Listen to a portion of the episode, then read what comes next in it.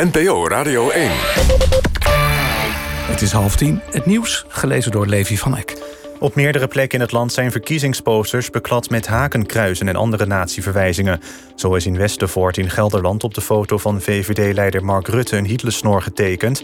Ook in het Drentse Vledder en in de Lier in Zuid-Holland zijn verkiezingsposters beklad. De EU gaat sancties opleggen aan vier Russische hoge ambtenaren. De sancties zijn een reactie op het vastzetten van oppositieleider Navalny. De ambtenaren staan dicht bij president Poetin. Hun Europese banktegoeden worden bevroren en ze mogen niet meer naar de EU reizen. Albert Heijn kan leveranciers een boete opleggen als zij door corona minder goederen leveren. Dat schrijft het Financiële Dagblad. Volgens de krant zijn epidemieën en pandemieën uitgesloten van overmacht. Albert Heijn noemt de coronaclausule een soort leveringsgarantie om te voorkomen dat klanten producten mislopen. En de NASA heeft een video van de Marsverkenner vrijgegeven. Te zien is hoe het enorme valscherm uitklapt en de robotjeep naar de planeet afdaalt en daarbij het hitteschild afwerpt. Vervolgens zakt de robot naar de grond. De video is gepost op het YouTube-kanaal van de NASA. De robot landde donderdag op Mars. Vrijdag werden al foto's vrijgegeven. NPO Radio 1. EO NOS. Langs de lijn en omstreken. Met Kiva Louche en Dione de Graaf. Goedenavond, het is maandagavond tijd voor het wekelijkse sportforum van Langs de Lijn en Omstreken. We bespreken opvallende sportzaken van de afgelopen week met NOS-collega Jan Roels, ESPN-presentator Fresia Cousinho Arias en op afstand vanwege de coronamaatregelen voetbalanalist Kees Jansma. We hebben heel veel om over te praten, zoals de financiële perikelen bij Feyenoord, het niveau van de voetbalscheidsrechters, de tactiek van PSV, naderende afscheid van tennisgrootheid Serena Williams en nog veel meer. En we hebben maar anderhalf uur, dus laten we snel beginnen. Meekijken kan via de webcam van nporadio1.nl. Lekker, ja, we zijn weg. Kees Jansma, um, we beginnen met het moment van de week. Jouw moment is uh, het moment van de waterpoloers op het Olympisch kwalificatietoernooi. Maar 15 seconden. Eén kans voor een overwinning. één kans op een sterke uitgangspositie op dit Olympisch kwalificatietoernooi. Lindhout vindt Jesse Koopman. Weer hij. Ja, Nederland verslaat Roemenië met 9 tegen 8. Ja, Kees, ik vind dat leuk, want ik heb al eerder met jou over waterpolo gesproken. Dat bevalt me eigenlijk buitengewoon goed. Waarom heb je dit fragment gekozen? Waarom wilde je dit horen? Nou, deze, mannen waren onderweg naar, uh, naar uh, de Olympische Spelen. Althans, dat poogden ze te gaan doen, te gaan halen. Ik heb in de voorbereiding de, de, bondscoach toevallig gesproken... en op zijn uitnodiging een oefenwedstrijd tegen Turkije bijgewoond. En daar ben je betrokken. En het was een bijna onmogelijke opgave. Het bleek ook onmogelijk te zijn om die Spelen te halen. Maar de manier waarop was toch wel indrukwekkend. Ik bedoel, falen kan ook heel mooi zijn. En hier haalden ze tegen Roemenië, die net gehoorde, geweldige overwinning in de laatste seconde eruit. Toen stonden ze tegen Frankrijk in de volgende wedstrijd... Eh, een doelpunt of vier achter. En toen wisten ze de laatste seconde nog een gelijkspel eruit te halen.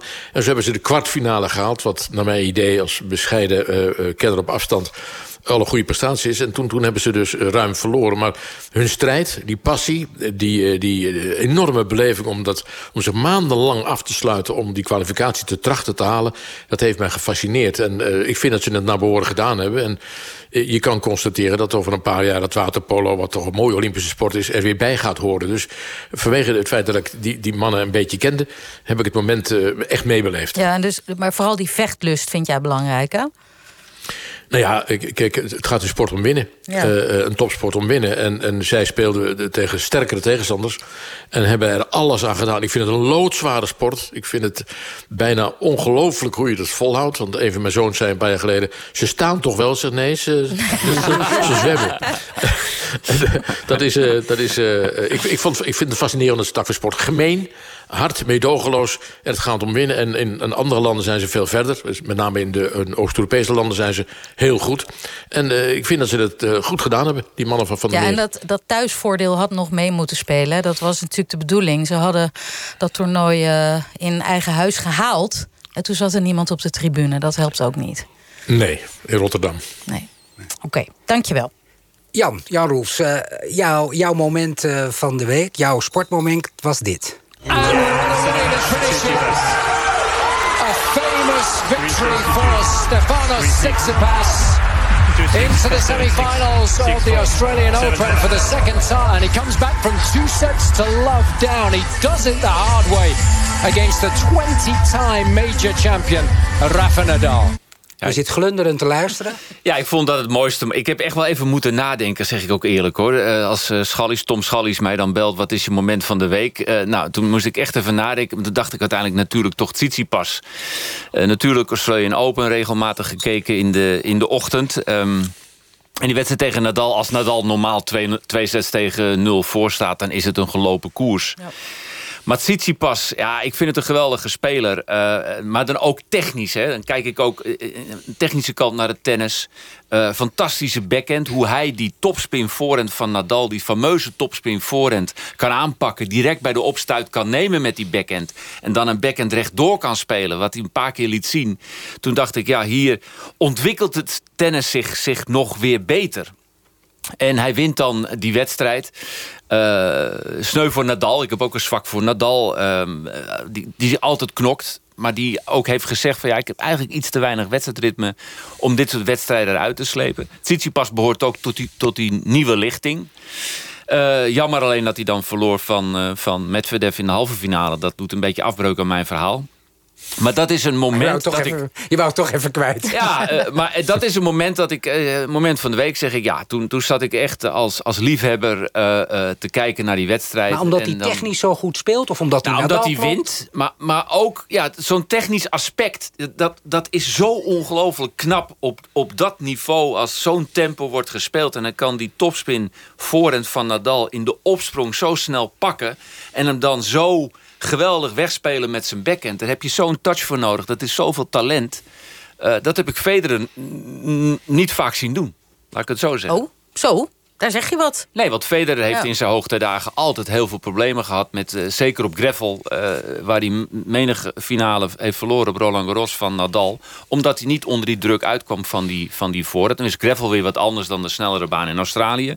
Maar zoals Tsitsipas dat hier deed, ja, dat, dat, daar, daar kan ik van genieten. Fresia, ESPN-collega, dit is jouw moment.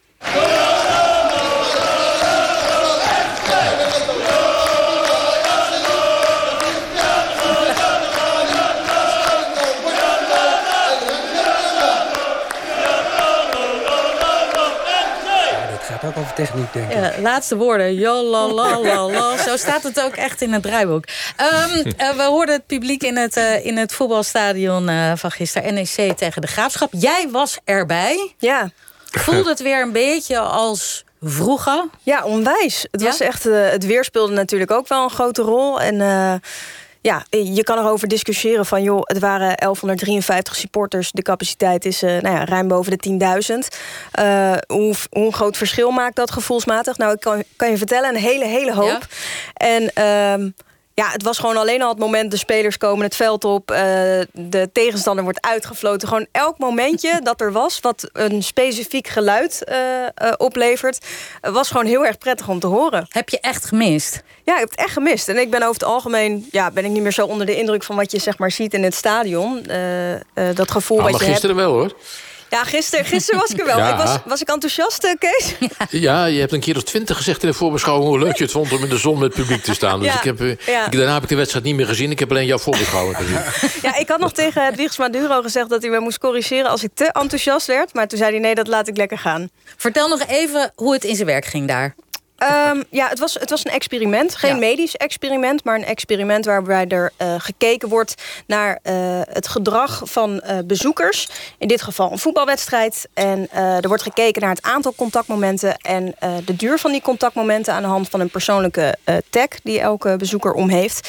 En aan de hand van die gegevens ja, kunnen we straks een heleboel weten wat de veiligste manier is om straks mondjesmaat weer uh, um, ja, logistiek het in orde te krijgen om uh, met bezoekers ergens heen te gaan. Dan wel theater, voetbalstadion, noem maar op. Ja. Nou, nou, nou hadden er geloof ik 1500 mogen komen. Er waren er maar, zeg ik tussen aanhalingstekens, 1153. Je zou denken, met, met al dat animo dat er is voor, voor Zeker, een zeker, stadion het eh, in te gaan met z'n allen. Het is natuurlijk wel, het is bij de seizoenskaarthouders van NEC aangeboden. Dus dat waren 5000 mensen. En ehm, ja, het was, het was best wel bewerkelijk. Elke bezoeker moest twee dagen van tevoren getest worden op vrijdag. Moest zich vijf dagen later ook weer laten testen.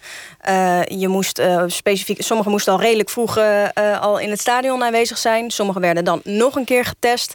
En eh, ja, ook de afspraak dat je twee weken lang geen contact hebt met mensen die op welke manier dan ook kwetsbaar Je zijn. moet echt Dus van je club houden. ja, je moest er wel echt van wat je voor over hebben. En ik denk als het de wedstrijd Feyenoord-PSV was geweest... dan denk ik dat het wel heel makkelijk vol was geweest. Zou jij, het Kees, zou jij het ervoor over hebben om, om zo weer bij, bij een voetbalwedstrijd te zijn op deze manier als supporter? Ja, of in het theater, waar ook laatst Ja. een test is eh, Ja. geweest. Dus ik zou het er wel voor over hebben. Overigens, het nieuws van de BBC is, is vandaag dat eh, in Engeland besloten is... dat eh, half mei de Premier League-wedstrijden weer bezocht mogen worden... door maximaal 10.000 mensen. Oh, die moeten aan dezelfde voorwaarden voldoen die Vrezen net heeft geschetst. Ja. Het, het, het, het rare geval daar is dat eh, het mag op 7, vanaf 17 mei mag het. Er is nog één weekend te spelen in Engeland, geloof ik. En op 15 mei is de FA Cup finale. Wat natuurlijk een bijzondere gebeurtenis is in het voetbal in Engeland.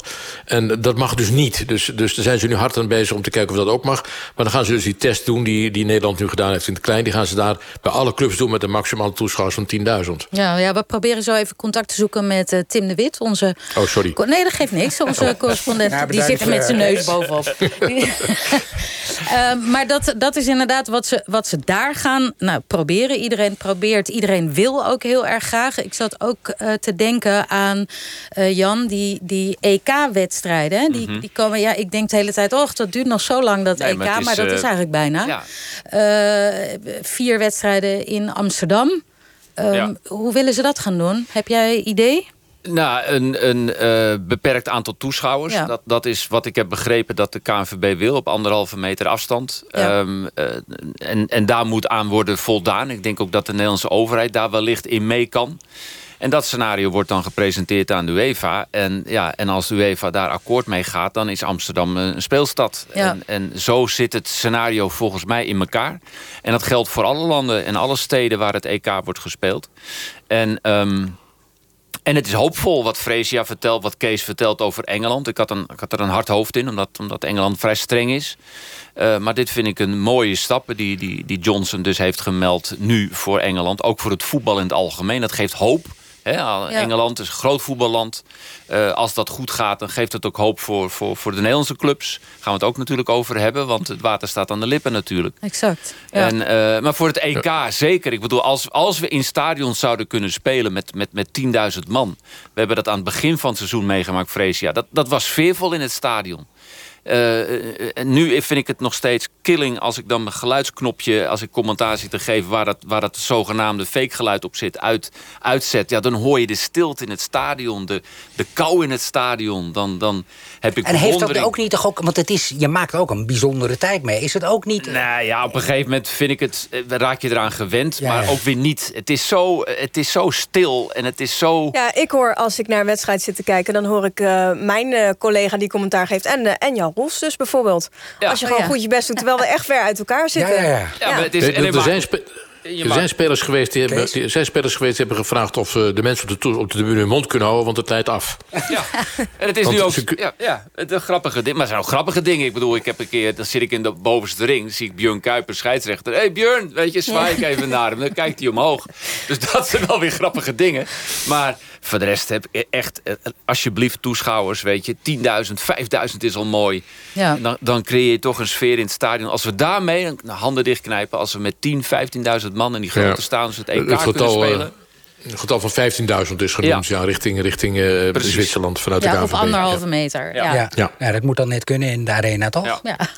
Wacht net. Eh, nou ja, wij hebben het hier in Nederland nog over 1500 supporters. Maar als de plannen van eh, de Britse premier Johnson... daar hebben we het net al over gehad. Kees heeft het ook al helemaal uitgelegd. Ehm, als die plannen worden uitgevoerd... dan zullen er in medio mei in de Premier League... maximaal 10.000 mensen op de tribune zitten. Ehm, zoals aangekondigd, correspondent Tim de Wit... hangt aan de lijn in Engeland. Goedenavond, Tim. Goedenavond. Johnson heeft vanavond de Britse routekaart uiteengezet. Heeft hij ook verteld hoe hij die 10.000 man in zo'n stadion voor zich ziet? Ja, ik hoorde inderdaad het Kees al een beetje uitleggen hoor. Dus daar komt het inderdaad op neer. Dus het idee is vanaf 17 mei, dan zitten we volgens de routekaart in fase 3 als het gaat om de versoepelingen in Groot-Brittannië. Dat er vanaf dat moment 10.000 fans in de grote Premier League stadions mogen. Het idee is maximaal 25% van de stadioncapaciteit. En dat mag dan oplopen tot een maximum van 10.000. Dus dan, ja, de meeste grote clubs hebben natuurlijk wel een stadion met meer dan 40.000 mensen. Dus dan zit je al gauw op die 10.000 eh, fans. En dat moet allemaal eerst geoefend worden met speciale pilots. Dat zal allemaal in, april gaan gebeuren. En dan krijg je dus een beetje de effecten, zoals Vrees jou uitlegt... Eh, wat er gisteren bij NSC tegen de Graafschap is gebeurd. Dus de Britten gaan het eh, heel nauwlettend uitproberen. Eerst ook allemaal hoe dat in zijn werk zou gaan. Maar of het allemaal doorgaat, of die 17 mei gehaald wordt... en of er dan al 10.000 mensen in de stadion zitten... zal ook gewoon heel erg afhangen van wat er de komende ja, maanden welke voorwaarden moeten dan voldaan worden? Nou, kijk, eh, kijk natuurlijk naar het aantal besmettingen wat er op dat moment is. Dat moet laag blijven, hè, ondanks dat er al wel wat versoepeld gaat worden de komende tijd, de komende maanden. Kijk natuurlijk naar de ziekenhuisopnames. Uh, kijk ook naar nieuwe mutaties van het virus, heel belangrijk. Stel dat er mutaties opduiken waar vaccins geen grip op hebben, ja, dan zal Johnson gewoon weer op de rem staan, zei hij vanmiddag. Dus het is aan de ene kant een hele welkome stip op de horizon, want we hebben hier in Engeland echt al een lange tijd een zeer strenge lockdown. Je mag hier bijna niks. En uh, aan de andere kant is het ook echt wel even afwachten. Want als we één ding natuurlijk geleerd hebben, deze pandemie, is, is dat het onmogelijk te voorspellen is wat er de komende maanden weer zal gaan gebeuren. En uh, daarnaast vergeet ook niet, hè, Johnson kan zich het niet permitteren om weer te vroeg te versoepelen. Dus hij heeft een hoop beloofd. Maar ja, het is hier voor kerst hè, enorm misgegaan. Eh, gigantisch hoge besmettingscijfers in januari. Dus als hij nu op de rem moet staan... als het toch allemaal niet volgens plan zal verlopen... Ja, dan zal hij dat ook doen. En dan zal het verhaal met de voetbalfans... denk ik weer even in de kast moeten verdwijnen. Heb je al, al reacties van, van, uh, op deze routekaart uh, op sportgebied uh, gehoord? Ja, dit is natuurlijk eh, voor voetbalfans, die vinden dit geweldig natuurlijk. Uh, ja, ik hoorde jullie net al even bespreken. Die lege stadions, die, die, prachtige Premier League stadions. Het is natuurlijk niet om aan te zien bijna. Om dat elke week maar weer aan je voorbij te zien trekken. Het is natuurlijk al wel ergens een cadeautje... dat je ondanks die strenge lockdown hier wel gewoon naar voetbal op televisie kan kijken. Maar nee, zeker. De, als er ergens natuurlijk een land is, een voetballand is... waar ze graag naar het stadion gaan, dan is het hier wel. Dus natuurlijk wil iedereen dat zo snel mogelijk weer kunnen. Maar tegelijkertijd zie je toch ook wel... Hè, er was wel een beetje vrees, kan ik me herinneren... Eh, aan het begin van die lockdown... dat fans dan, en er werd alweer gevoetbald... dat fans dan naar de stadions zouden gaan.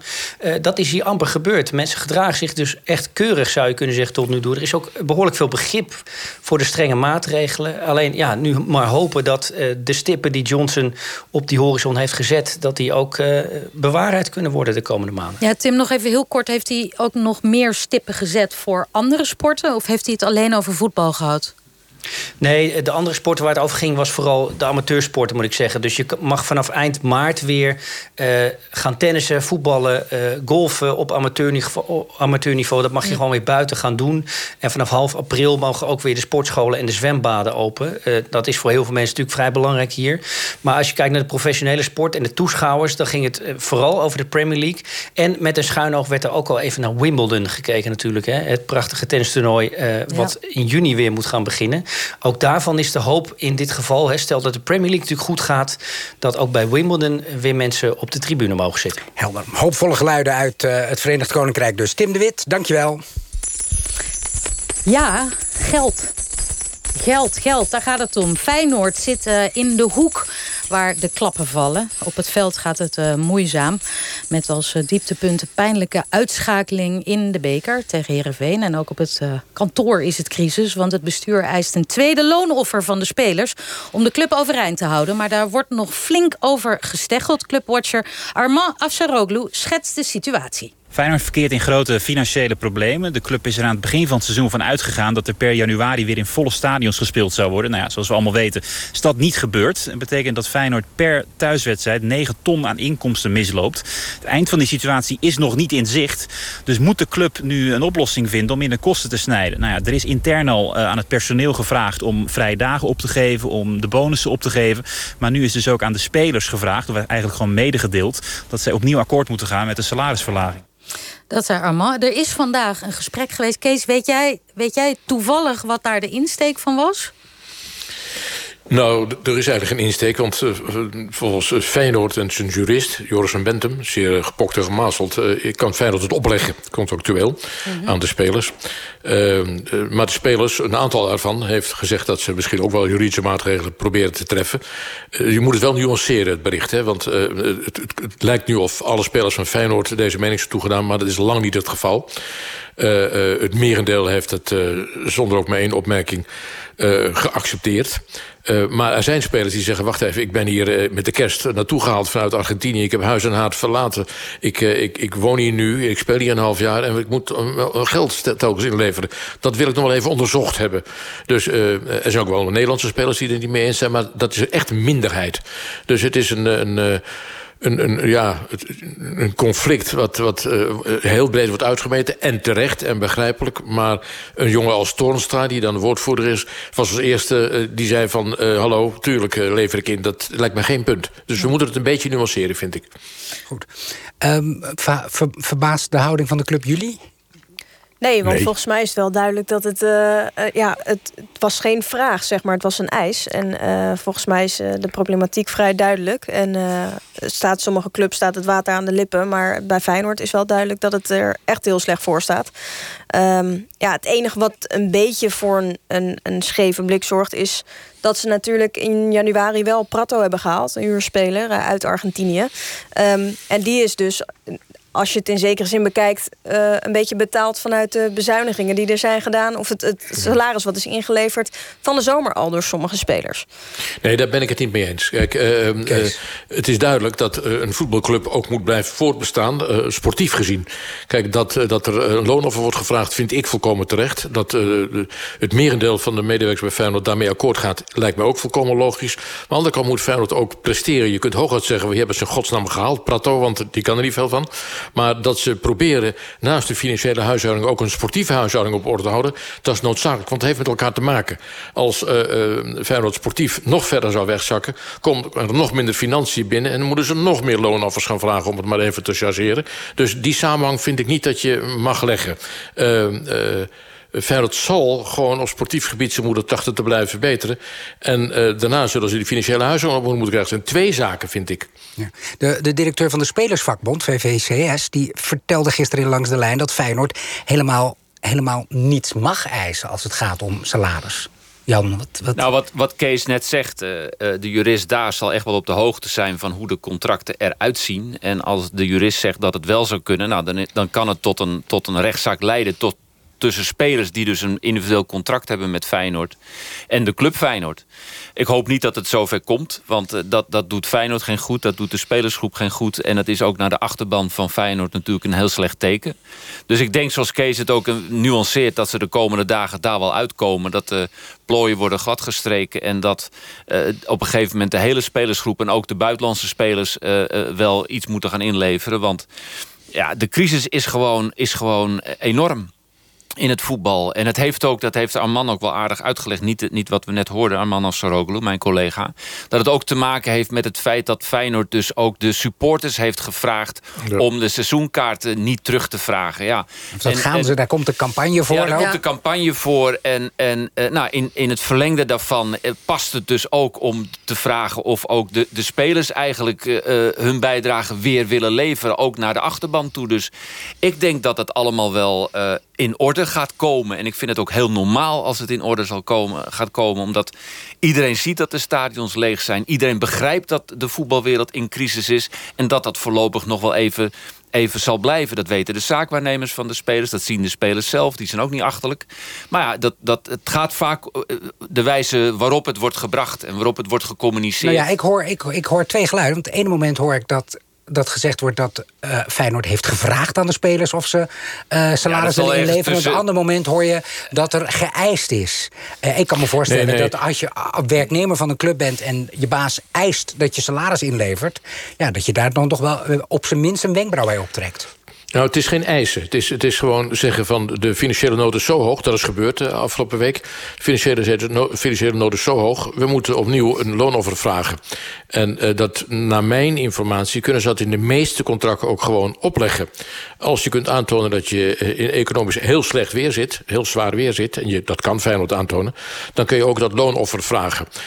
Dus het is niet zo van met de vuist op tafel... het moet nu gebeuren. Het is gewoon gezegd van... jongen, dit is helaas weer een contractuele maatregel. Ik heb begrepen dat Feyenoord ongeveer 2 miljoen in totaal per seizoen van zijn spelers vraagt om, om, om op te offeren. Uh, nou ja, uh, nogmaals, ik ben het met iedereen eens, dat moet gebeuren. Maar ik kan me ook voorstellen, want ja, het zijn net mensen... dat uh, bijvoorbeeld aan buitenlandse spelers zeggen... Ja, ja, wacht even, ik heb zojuist huis en haard verlaten... en ik wil gewoon even nader informeren hoe het met de wet zit. Ik heb in de krant gelezen, ik weet niet of dat waar is... dat bijvoorbeeld een speler van Feyenoord, Brian Linsen... een contract heeft waarin staat dat loonoffers, mochten die gevraagd worden... niet op hem van toepassing zijn. Dat zou ik een vreemde contractsituatie vinden... maar dat stond volgens nog dacht ik in het Algemeen Dagblad. Dus er, zijn verschillende contracten en dus zullen spelers ook verschillend reageren.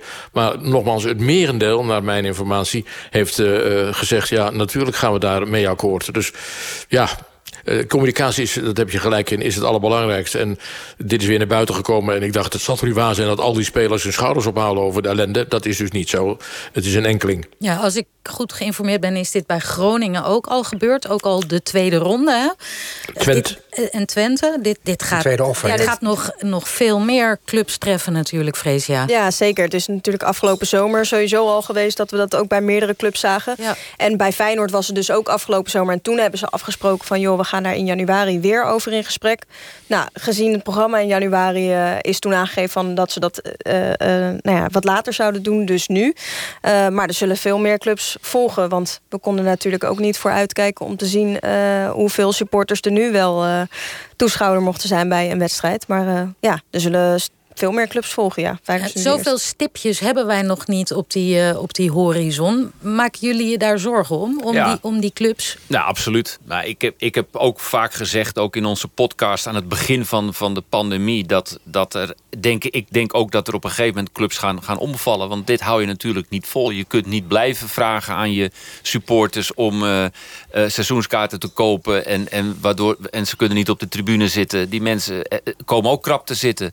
Dus ergens komen clubs in de problemen. Ja. En, en ergens gaat het op een gegeven moment fout. Zeker bij de kleinere clubs. En ik denk ook zeker in de, in de, in de eerste divisie. Maar het zal ook misschien in de eredivisie eh, kunnen gaan gebeuren. Omdat heel veel clubs dus hopen dat ze volgend seizoen wel weer seizoenkaarten kunnen verkopen. Maar dat, dat valt nog maar te bezien. We hebben net Johnson gehoord, Tim de Wit. Mutaties, ze gaat het door in Engeland. Ja, dat, dat kunnen we hier ook nog krijgen. Dus we zijn er nog lang niet. En in dat Nou, we, kader- hebben, we hebben een eh, zeer gekende viroloog gehad. Die zei van meneer Vos. Die heeft gezegd van in 2021 krijgen we sowieso geen toeschouwers op de tribune bij betaald voetbal. Daar is hij zwaar op aangevallen. Of, of nee, op bekritiseerd. Maar als dat het vooruitzicht is, dan, eh, dan wordt het een rampscenario. Ja, Ja, voor precies. En, maar goed, laten we ervan uitgaan dat er wel wat supporters in het stadion kunnen. Maar niet een volle arena, niet een volle Kuip... en niet een vol Philipsstadion, ook bij de kleinere clubs niet. Dat kost heel veel geld. En dan kan ik me voorstellen dat die nivellering van de salarissen... ook wel in de pas lopen met, met dit doemscenario. Dat je daar Ja. toch elkaar moet gaan vinden. Goed, we zijn eh, door het eerste half uur heen. We gaan eh, het volgende uur lekker verder. En dan gaan we praten over eh, PSV. Heel vrolijk verhaal ook. En over het niveau van de scheidsrechters. Ook, hartstikke vrolijk. vrolijk. En over Serena Williams. Nou Ook ja, tot zo.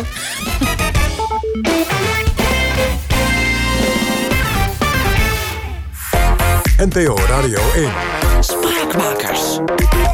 Ik zie natuurlijk wel om mij heen dat het zeker voor jonge mensen ontzettend moeilijk is om een huis te vinden. Dat de woningmarkt verziekt is. Ja, ik vind het wel een zwaar woord, maar ik ben het toch denk ik wel eens met deze stelling. Een studio met bevlogen gasten. We noemen het steeds de woningmarkt, maar het is natuurlijk eigenlijk helemaal geen markt. Er zit zoveel overheidsbemoeienis in. Luisteraars die meedenken over de inhoud. Nou ja, de, de woningmarkt faalt. Dat lijkt eh, evident. De vertrouwde nieuwsquiz. Goed gestudeerd? Absoluut. Zullen we gaan beginnen? Het Mediaforum en Stand.nl. Spraakmakers. Op NPO Radio 1.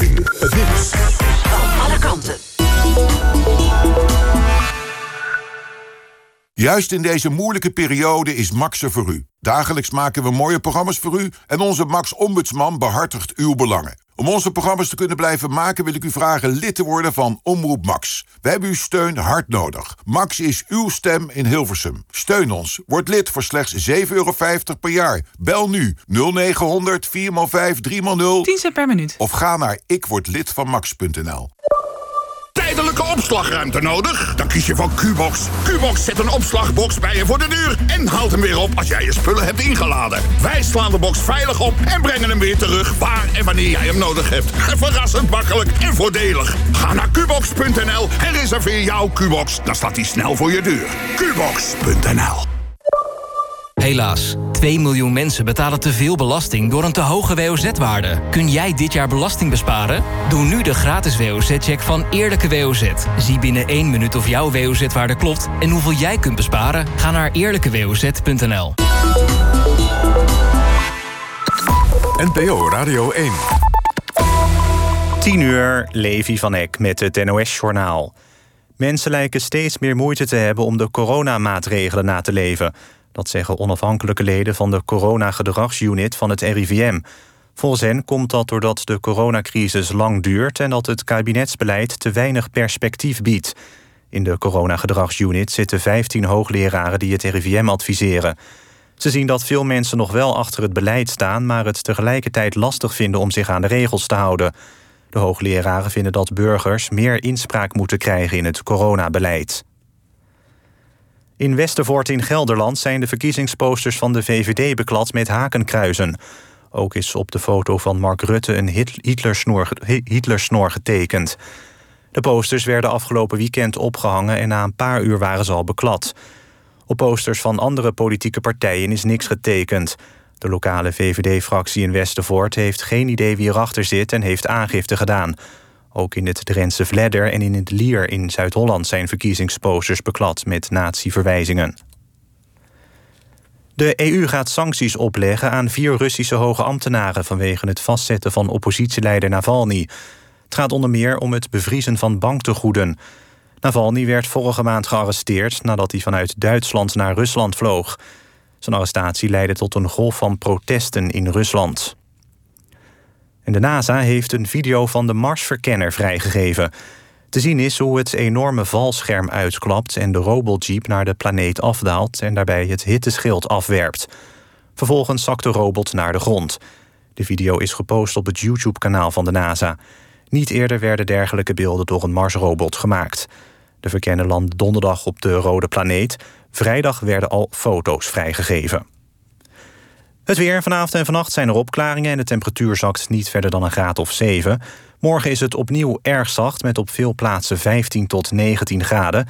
Ook de dagen daarna lenteachtig met geregeld zon. Dit was het NOS Journaal. Eneco heeft iets nieuws. Eneco Home. Alles wat gaat over verduurzamen in en om je huis op één plek. Ook in deze tijd staan we op een veilige manier voor je klaar. En komen onze specialisten bijvoorbeeld langs om zonnepanelen te installeren. Zodat jij dit voorjaar al profiteert van je eigen zonne-energie. Ga naar eneco.nl slash home. Eneco. Heb je boeken nodig voor je bedrijf of studie? Dan is Managementboek de specialist. Al 25 jaar een uitgebreid assortiment en razendsnelle levering. Managementboek.nl Zelf nieuwe kozijnen bestellen? Creon staat voor je klaar. Met de scherpste prijs en levering aan huis. Creon met een C. Creon Kozijnen. NPO Radio 1. EO NOS. Langs de lijn en omstreken. Met Kiva Louche en Dionne de Graaf. Welkom terug bij nog een uurtje Sportforum hierin Langs de Lijnen Omstreken. Bij ons nog steeds NOS-collega Jan Roels, ESPN-presentator Fresia Cousinho Arias en voetbalanalist Kees Jansma. In dit uur onder andere aandacht voor PSV, Serena Williams... en de uitspraken van Clarence Seedorf over donkere spelers die te weinig kansen krijgen. Dat allemaal straks na het belangrijkste sportnieuws van vandaag. Vanaf mei mogen er weer supporters in de stadions in Engeland. Als de, als de plannen van de Britse premier Johnson volledig uitgevoerd kunnen worden... mogen maximaal 10.000 personen op de tribunes plaatsnemen... zegt correspondent Tim de Wit. Het idee is maximaal 25% van de stadioncapaciteit. En dat mag dan oplopen tot een maximum van 10.000. Dus dan, ja, de meeste grote clubs hebben natuurlijk wel een stadion...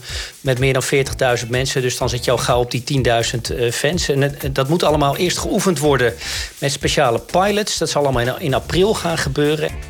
Of die versoepelingen ook daadwerkelijk allemaal doorgevoerd kunnen worden... hangt volgens de regering af van het aantal gevaccineerden... het aantal besmettingen en het eventueel opduiken van nieuwe uh, virusvarianten. Tadej Pogacar is de nieuwe leider in de ronde van de Emiraten. De toerwinnaar eindigde als vierde in de tijdrit... nam daardoor de leiding over van David Dekker. Hij mocht starten in de leiderstrui... omdat klassementsleider Mathieu van der Poel vanochtend... vanwege een positieve coronatest binnen het team... met zijn hele ploeg vertrok uit koers. Vera Pauw heeft haar contract verlengd als bondscoach van de Ierse voetbalvrouwen. Ze tekende in augustus al bij tot en met het EK van 2022... en zal Ierland nu ook in, het in de kwalificatieduels voor het WK van 2023 coachen. De eindronde van dat WK wordt gespeeld in Australië en Nieuw-Zeeland. En Kiki Bertens is goed hersteld van haar Achillespees-operatie. De tennister reist af naar Doha... waar ze volgende week na vijf maanden afwezigheid haar rentree maakt op de WTA-tour. Door haar lange afwezigheid is ze voor het eerst in 2,5 jaar wel uit de top 10 gezakt. Nou ja, op de nieuwe ranglijst staat Bertens nu 11e. Ja, dat is net buiten die top 10. Dat is net buiten. En, Fresia, wij hebben nog niet alles gemeld. Nee, want uh, het Algemeen Dagblad meldde dat uh, Langeler samen met Groenendijk uh, het gaan doen bij PEC. Nou is het Langeler, doen. Ja, het. Ze gaan het doen. Ze worden eindverantwoordelijk bij PEC. En nou is Langeler nog wel verbonden aan de KNVB. Daar is hij directeur voetbalontwikkeling. Dus die kan niet per direct dan overstappen. Maar dat zou... nou ja, Groenendijk die is ook gewoon een ja, bekende eredivisietrainer. Die zal dan de eerste wedstrijden voor zijn rekening nemen. Vind je het wat, Jan? Ja, lijkt me een goede keus. Uh, Art Langeler komt uh, uit Lochem, heb ik begrepen. Dat is toch een beetje om de hoek bij, uh, bij Zwolle met, oh, met ja. wat fantasie. Groenendijk, Alfons Groenendijk, die, die zat al een tijd te hopen op een, op een job. Is natuurlijk volwaardige trainer. Dus dit is wel een heel sterk duo wat daar PEC aan de hand gaat nemen... om ze in de eredivisie te houden. Dat lijkt me geen probleem. Ik vind het een ervaren duo, goede keuze. Langeler natuurlijk ja, uit de regio, veel, veel ervaring ook. Misschien zat het al, was het al voorgekoud natuurlijk... omdat uh, Stegeman zou weggaan aan het eind van het seizoen. Ja. Misschien is dat naar voren gehaald. Dat nieuws zal nog van naar buiten komen. Maar ik vind het een goede keus. Ik zit een beetje op de lichaamstaal van Kees Jansma te letten... maar ik weet het niet goed. Wat, ook, wat, ik niet? kan hier geen kaas van maken. Wat vind jij, Kees? Uh, ja, ik moet even me realiseren in de moderne tijd dat je mijn lichaamstaal ziet. Ja, ik Uh, zie je gewoon. Ja, ja nee, ik, ik, uh, ik vind het een verrassende keus. Omdat Gertje van Beek er goed op stond, heb ik begrepen. Ook bij de supporters die fel meeleven. Een gekende naam. En hij heeft zelf bij het programma van Freesia regelmatig aangegeven dat hij het heel graag wil. Dus ik vind het, ik hoorde vanmiddag ook de naam van Langer. Ik vind het een verrassende keus. niet de prijsvechter uh, Gert-Jan Verbeek... maar mensen die misschien voor de lange termijn die club op de rails kunnen zetten. Dus het verbaast me wel een beetje. Hm. Begreep dat de achterban... De, De achterban, achterban? Zag het, ja, de, ach, de achterban zag het niet zitten met Verbeek. Nou, Nou, eigenlijk juist in de, supporters wel, maar- in de ja. polls eh, waren, het, eh, waren het inderdaad wa- was het juist wel dat, hij, dat, hij, dat iedereen positief over hem was. Maar ik begreep dat juist bij Pax Volle zelf dat er een aantal wel en een aantal niet. Ja, Oh, dan zo, is ja. natuurlijk Die sowieso geen achterban. goed- Ja, die achterban. Andere achterban. Andere achterban, ja. Die je niet toe doet. We gaan naar een, eh, naar een andere voetbalclub met een P. PSV. Dat zit gisteren een goed punt achter een slechte week. Mooie overgang, hè? Dit is de beste brug ooit gehoord, ja. Eh, na hun nederlaag tegen Olympiakos in de Europa League... won het met 3-1 van Vitesse. Maar daar ging het na afloops nauwelijks over. Voor de zoveelste keer was de opstelling het gespreksonderwerp... omdat keuzes van trainer Roger Smit onverklaarbaar lijken. Als je PSV zegt, zeg je Roger Smit. En dan gebeurt het. Wie gaat hij op het papier zetten? Wie stelt hij op? Van tevoren wordt hier aangegeven, wil jij op PSV letten? Ja, dan, dan zie je die opstelling en dan, dan denk je, ja, het is, het is weer een allega- allegaatje. Er is sprake van een groeiend misverstand tussen coach Roger Smit en de rest van de wereld. Doniel Malen en Philip Max beginnen op de bank. Mo Iataren maakt zelfs helemaal geen deel uit van de selectie. Het is één groot feest. Eigenlijk kun je zeggen, Puzzel mee met PSV. Puzzel mee met PSV. Met een P. Ja, leuk. Precies. Uh, Ja, Malen, Max Jan. en Gutsen, allemaal op de bank begonnen. Eh, in de tweede helft eh, mochten ze wel invallen. Kees, snap jij het? Ik heb het lange tijd gesnapt. Omdat, althans be- begrepen. Ik was het er niet mee eens met, met, met zijn telkens wisselen en het veranderende elftal. Maar hij had daar als coach een trainer die dagelijks met die jongens werkte verklaring voor. Had hij deze week trouwens ook weer, gisteren ook weer. Namelijk, eh, ze zijn moe. Ik zie dat, mijn, mijn staf ziet dat. Eh, we spelen veel wedstrijden en ik heb genoeg spelers om te kunnen wisselen. Dat kan alleen ik beoordelen. Nou, daar heeft hij in principe gelijk in. Alleen, eh, als je nu de wedstrijd van gisteren neemt tegen Vitesse... dat hij die grote spelers rust geeft... eh, of tot minder minuten gunt, begrijp ik wel. Maar eh, hij begon niet met ze, hij liet ze invallen. En voor hetzelfde geld had het met de rust, eh, volkomen verdiend trouwens... 0-2 of 0-3 gestaan. En dan had het invallen helemaal geen nut meer gehad. En dan was de tweede plaats ook al heel erg dubieus geworden. En de eerste plaats sowieso al. Dus eh, eh, het feit dat hij ze niet laat beginnen vind ik wel een beetje een minachting van, van eh, de spanning in de competitie en, en de strijd om de bovenste plaatsen. En dus dat begreep ik niet. Eh, hij heeft natuurlijk na afloop het gelijk aan zijn zijde gekregen, want met Ja. de inbreng van, eh, van die ge- gekende spelers, Malen, Max, eh, eh, ja, eh, eh, ga- gaat het wel goed, hebben ze gewonnen. En dus zegt hij, zie je wel, hij had ook een heel blij toetje na afloop. Eh, maar goed, hij blijft goochelen. En, en eh, ik kan me ook voorstellen dat bekende spelers als Malo op een gegeven moment zeggen... van, joh, trainer, hallo, ik wil graag topscorer van de Eredivisie worden... en eh, laat mij lekker van de begin af aan beginnen.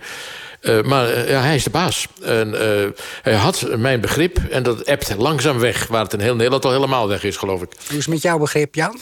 Nou, ik was gisteren bij de wedstrijd in, in Eindhoven. En het is vermakelijk in de perskamer. Als dan de opstelling bekend is, al, al vroeg op Twitter. Dan iedereen, oh, en allemaal consternatie. En het is één groot cabaret. Wat heeft hij nou weer gedaan? En met vijf verdedigers, hè, een linie van vijf achterop. En weer compleet anders. Dit hebben we nog niet gezien. En, en geen Iataren er niet eens bij. Nou, die is dan ziek. Is dat waar? Is dat niet waar?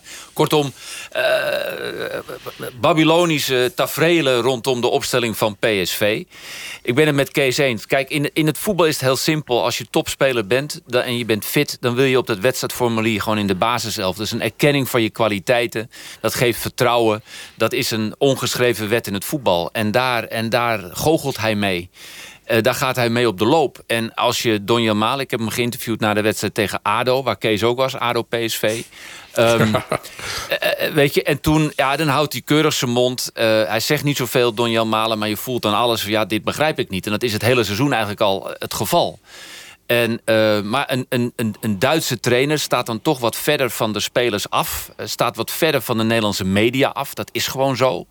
Ehm, Nou, verder van de spelers af, verder dan wie? Nou ja, dan, ik heb het gevoel dat, dat, dat, dat hij dat gevoel krijg ik. Het is een, het is een, ik interview hem ook in het Duits, dan vertelt, dan vertelt hij wel wat meer. Het is een amabele, eh, eh, keurige man. En die heeft ook zeker een strategie, daar houdt hij heel erg aan vast. Dat is ook belangrijk in het voetbal.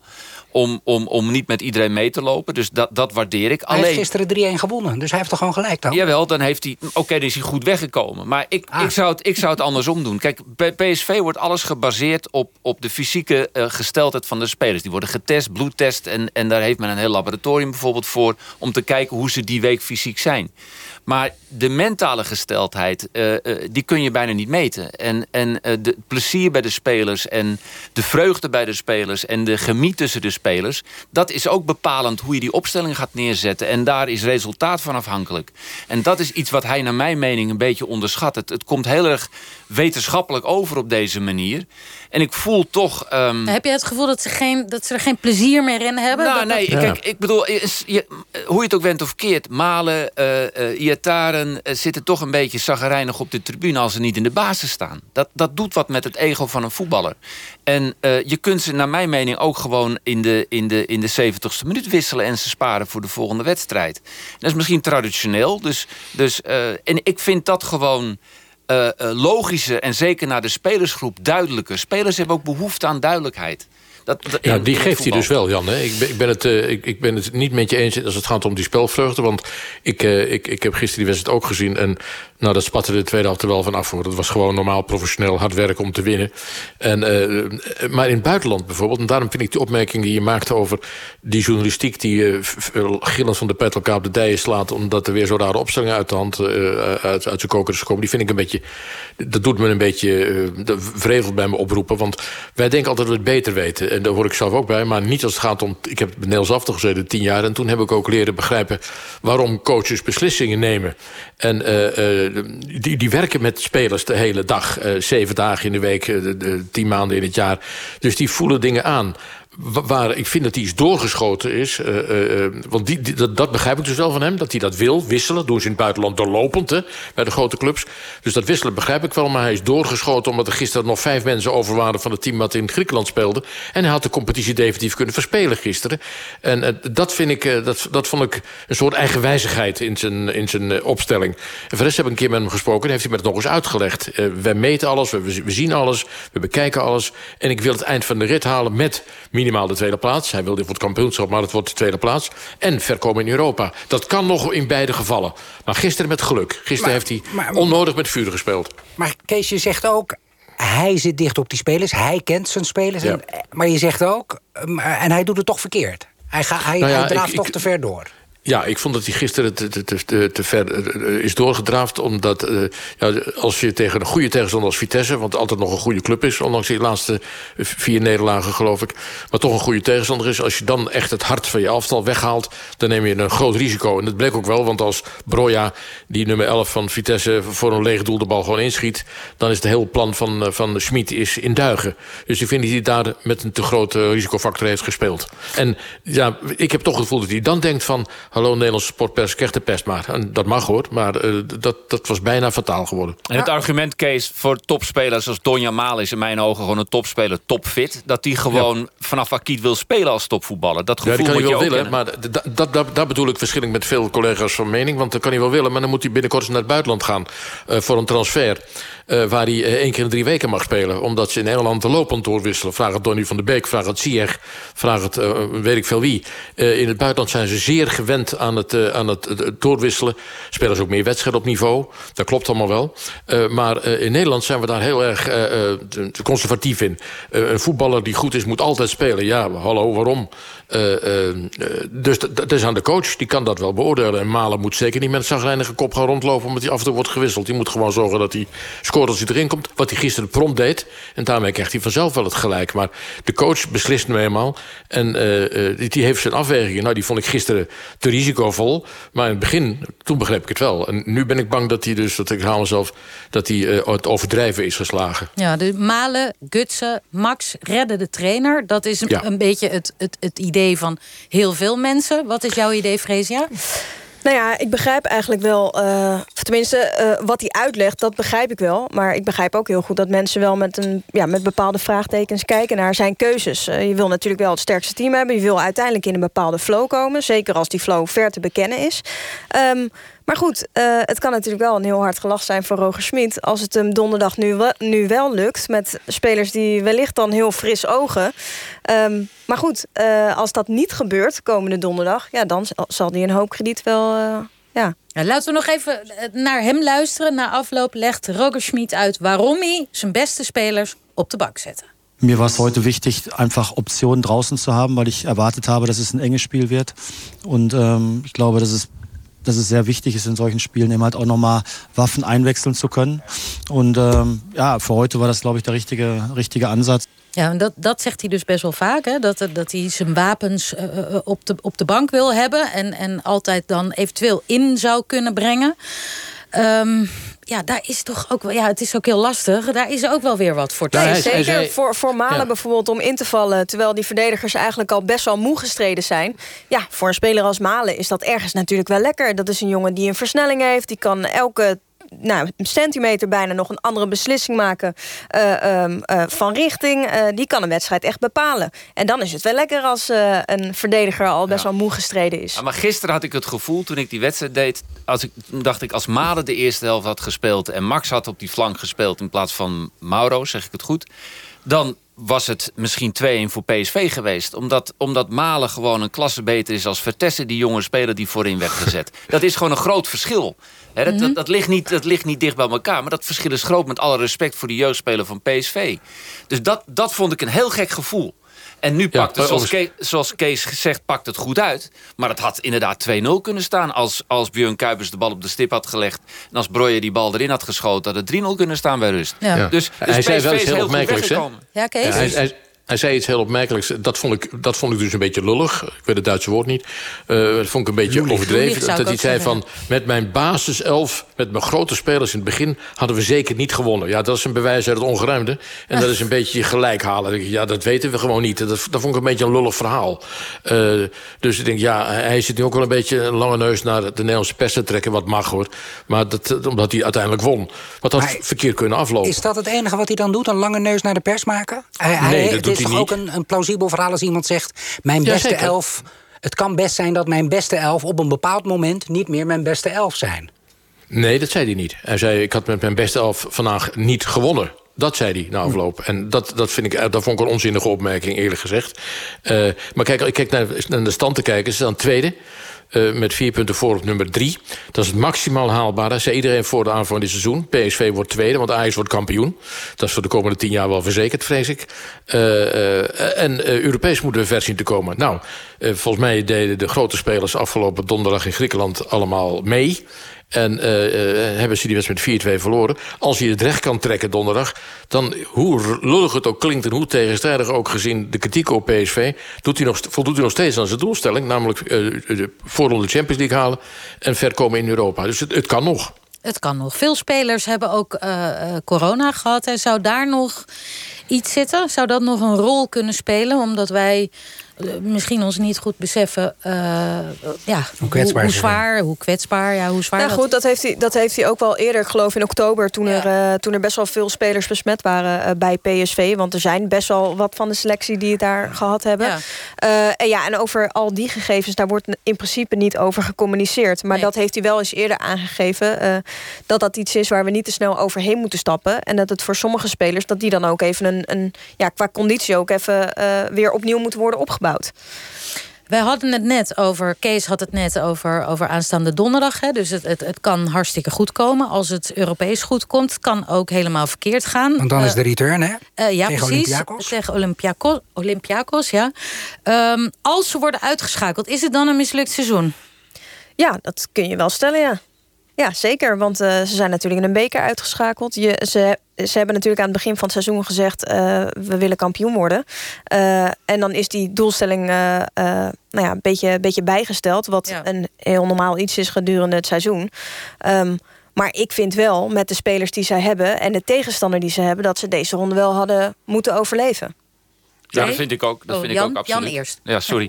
uh, nee, maar dat vind ik ook. Kijk, ik bedoel, alles is erop gericht bij PSV met het aantrekken van Schmid. En er is natuurlijk goed geïnvesteerd ook. Uh, Sahavi, uh, Gutsen, Max, die, die, weet je. Dus, dus um, om het kampioenschap aan te gaan met Ajax, die strijd. Om in die Champions League te komen. Want dat is ongelooflijk belangrijk voor een, voor een, voor een miljoenenclub als PSV. Mm -hmm. Financieel, om bij te blijven bij Ajax. Anders krijg je een Bayern München scenario in de eredivisie. Wat nu dreigt. Dat heb je al, hoor. Ja, wat nu dreigt als Ajax weer naar de Champions League gaat en PSV niet. Dus dat is best wel een, een enorme kater voor PSV. Dat dat uh, dreigt mis te gaan.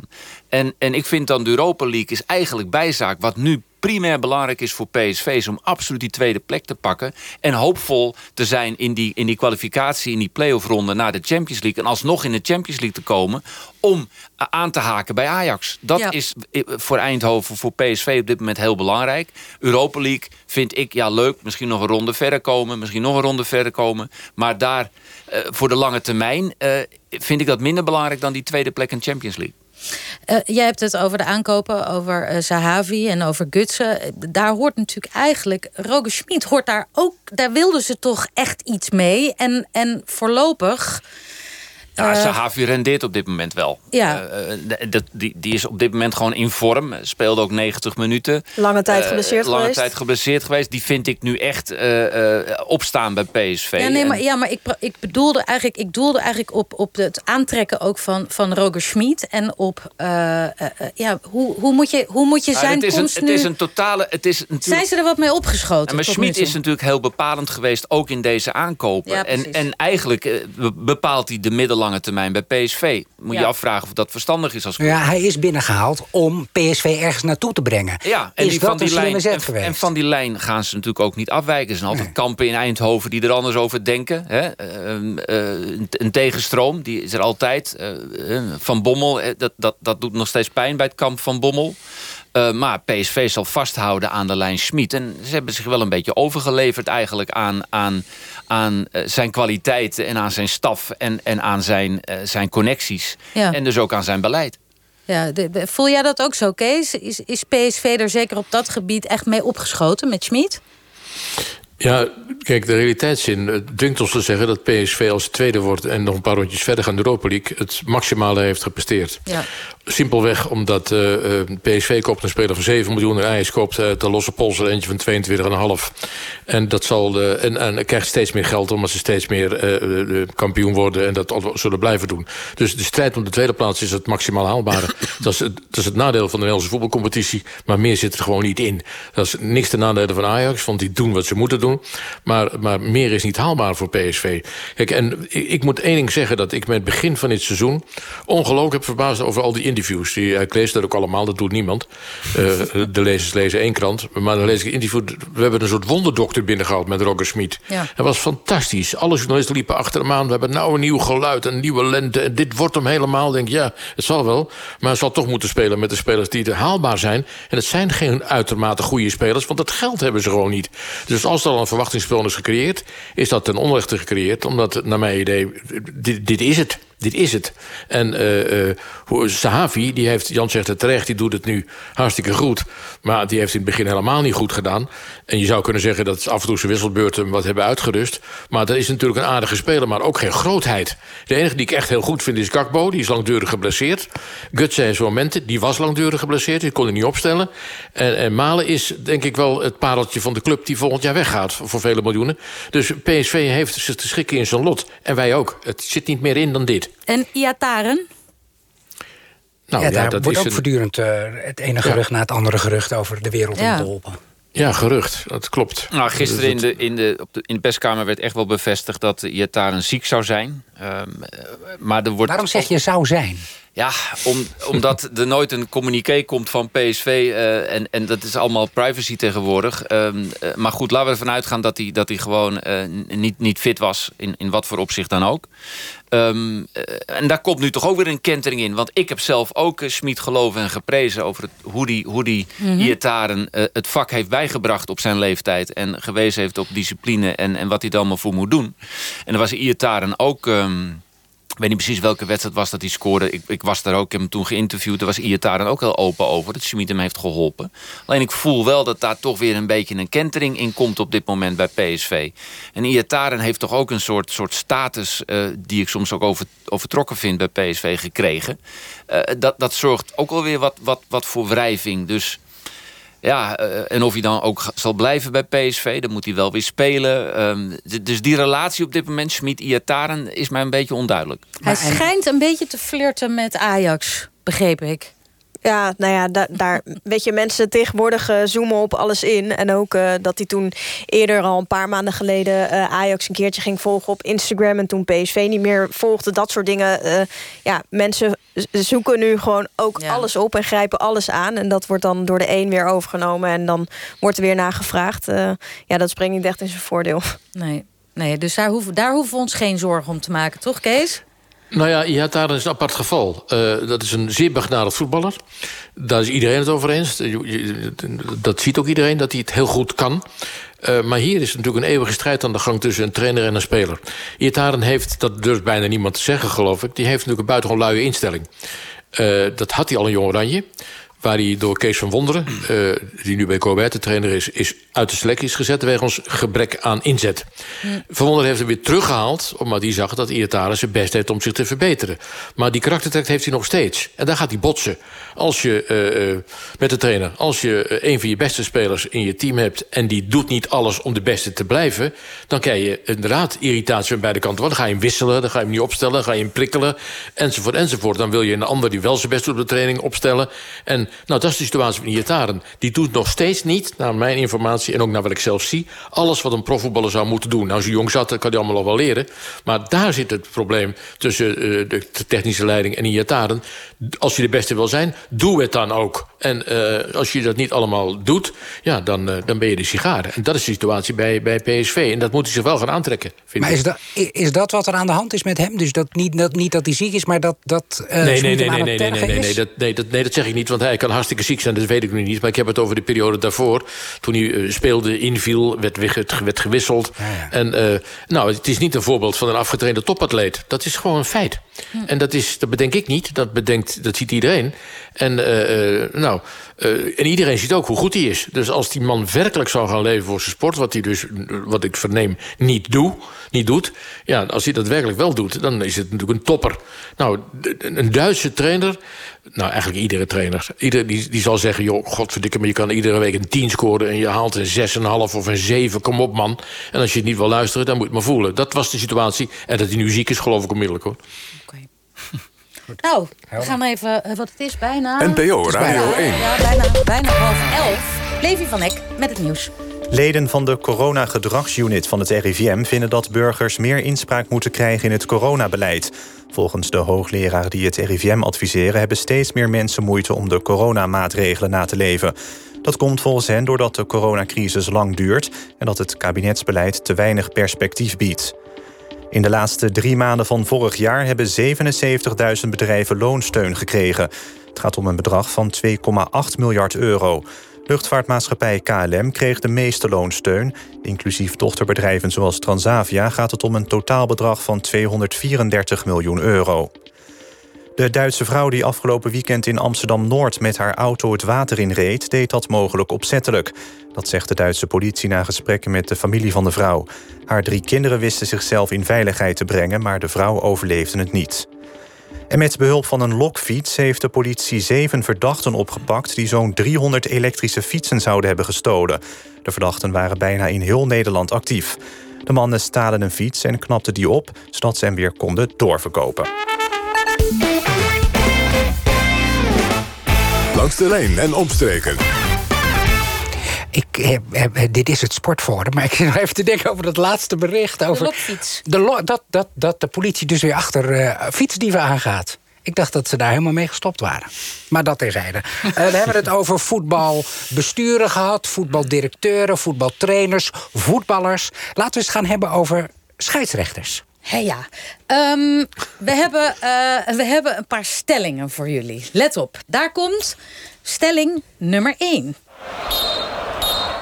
We hebben maar drie topscheidsrechters in Nederland. Jan. Oh, um, oh. Ja, uh, moeilijk. Ja, ik denk het wel. Ja, die ook Europees fluiten. Uh, Makkeli, Kuipers. Um, ja, noem de derde maar eens Freesia. Ja. Hoesebejuk hoort daarbij, hè, bij die drie. Ja, ja, die drie. Ja, ik vind dat. Ja, ik heb ook genoeg wedstrijden gezien dit seizoen die ik heb gedaan. waarbij een scheidsrechter onopvallend was en het goed heeft gedaan. Um, uh, ik, daar wil ik allemaal niet 1, 2, 3 namen gaan noemen. Maar nee, ik, ik ben, het, niet, hoor, ik ben maar... het niet eens met deze stelling. Dat zijn gewoon top 3. En de rest uh, uh, is groeiende en, en, en kan ook internationaal verder komen. Maar dit zijn wel gewoon de, de, de top drie die we hebben, ja. Dus je bent het wel eens? Ja, nou ja, er zijn maar we hebben er maar Nijhuis, drie. Nijhuis, nee, Nijhuis. Je, je vindt het een beetje negatief ingesteld, ja, deze dat vind ik, ja, ja, ik zie het. Dat vind ik negatief ingesteld. Mag ja. jij zeggen? Ja, dat vind ik eigenlijk wel. Ik bedoel, ik, ik denk de laatste weken voel ik toch weer dat, dat het allemaal weer wat, wat, wat beter is gegaan. Je doelt natuurlijk op de opmerking van, van uh, Dick Advocaat. Komen die, we zo op. Ja, precies. Maar we gaan eerst naar stelling 2. het niveauverschil tussen Nederlandse scheidsrechters is te groot. Kees. Nee, nee, dat vind ik niet. Ik, ik, ik, ik, ben, ik sta niet bekend als een groot fan van scheidsrechters. Ik heb iets met autoriteiten, geloof ik. Ik ben heel veel rode kaarten gehad in het amateurvoetbal. Uh, maar nee hoor, ik vind, uh, ik vind dat het best aardig gaat. Wel, uh, ze krijgen zoveel aandacht met die VAR en zo. Ik vind dat het best aardig gaat. Wel, het is niet bijzonder, het is ook niet bijzonder slecht. Dus, nou. Ik zit ineens te denken, ik ben wel eens bij zo'n rode kaart geweest, Kees. Ik wil niet aan herinnerd worden. Zullen- Wat zullen- was het dan? Zijn hier beelden van? Ja, dat Nee. was. Ja, dat ik wel dacht. eh, Ja, dacht jij, ja, Was het de rechter, Rode? Was het de rechter? Nee, We- we gaan naar nee stelling. eh, Dionne dacht, wat is dat een asociale man in het veld? Nee, Daar bedoelden ze nou, mij mee. Toen was er nog geen VAR, anders waren het heel wat minder rode kaarten geweest, toch Kees? We gaan naar stelling 3. Scheidsrechters verdienen meer waardering dan ze nu krijgen, Freesia. In Nederland of in het algemeen? In, in Nederland. Eh, eens. Ja? Ja, ik vind wel dat eh, als je naar het buitenland kijkt... eh, de manier waarop wij vinden dat, dat we scheidsrechters zeg maar, op het matje kunnen roepen... en overal maar een uitleg op moeten geven... dat doen ze nergens anders. Ehm, en ja, wij, dat is ook natuurlijk een beetje de cultuur in Nederland. Iedereen heeft er een mening over en wil dat ook laten blijken. Ehm, wat ook prima is. Alleen ik vind dat het wel... Het is zo moeilijk om te fluiten. Ik weet niet, als iedereen die wel eens een fluit in zijn handen heeft gehad... en heeft geprobeerd een wedstrijd zo goed mogelijk eh, te leiden... die zal beamen dat het eh, veel moeilijker is dan dat het lijkt. En datzelfde geldt voor eh VAR zijn.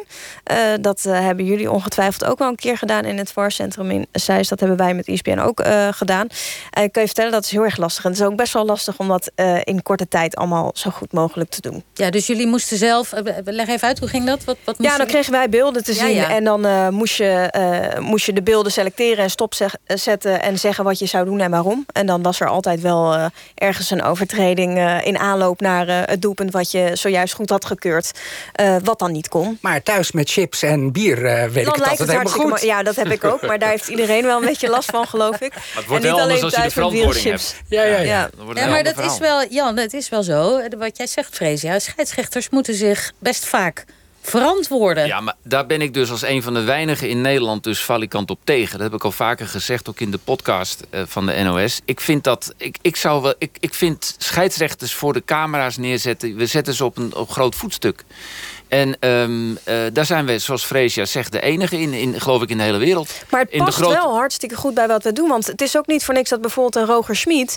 die is soms ook een beetje verbolgen met de vragen die wij stellen... als het Mhm. gaat over de inhoud van spelers of over fitheid.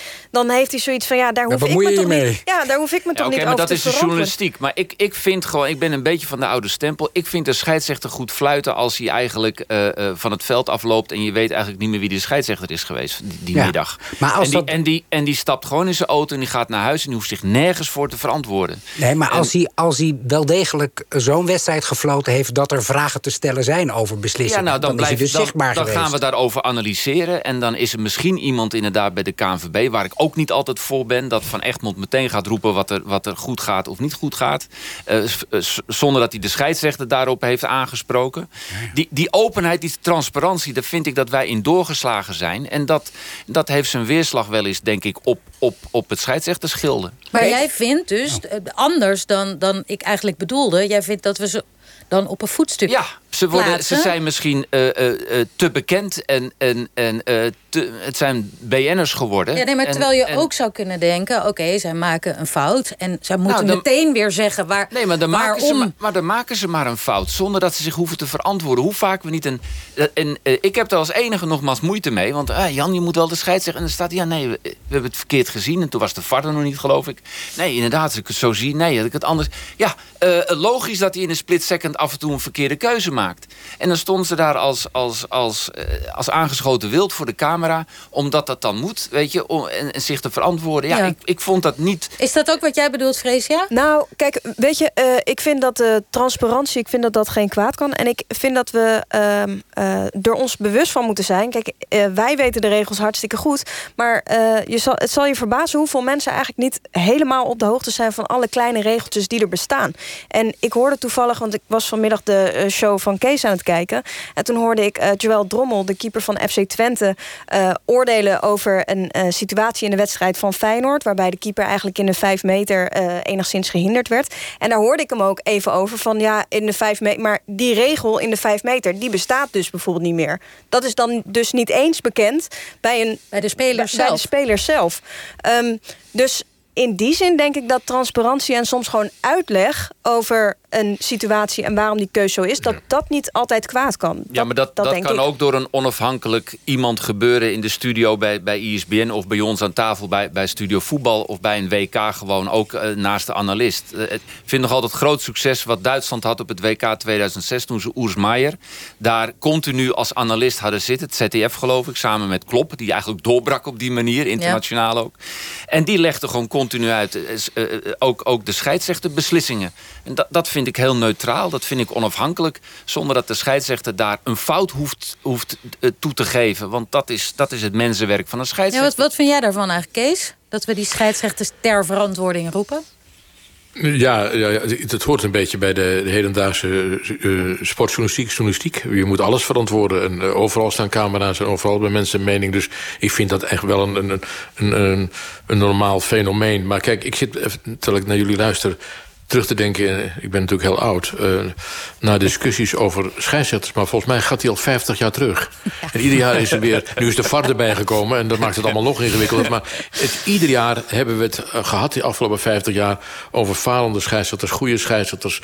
Uh, de briljante Frans Derks, de geweldige Charles Korver...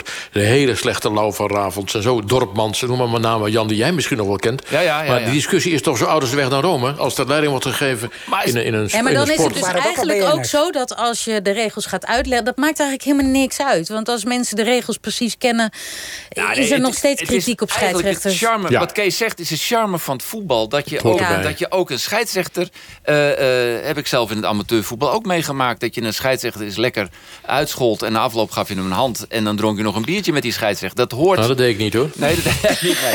Maar Dat eerste schold alleen wel, maar. dat tweede ja, niet. Dat hoort, maar dat, dat hoort bij het voetbal. Weet je? En dat, dat vind ik ook niet zo erg als, als, als trainers ook af en toe eh, een baalavond hebben over een scheidsrechter. Hou het netjes, weet je. Maar dat mag best wel een keer benoemd worden. Dat hoort ook bij het vak als scheidsrechter.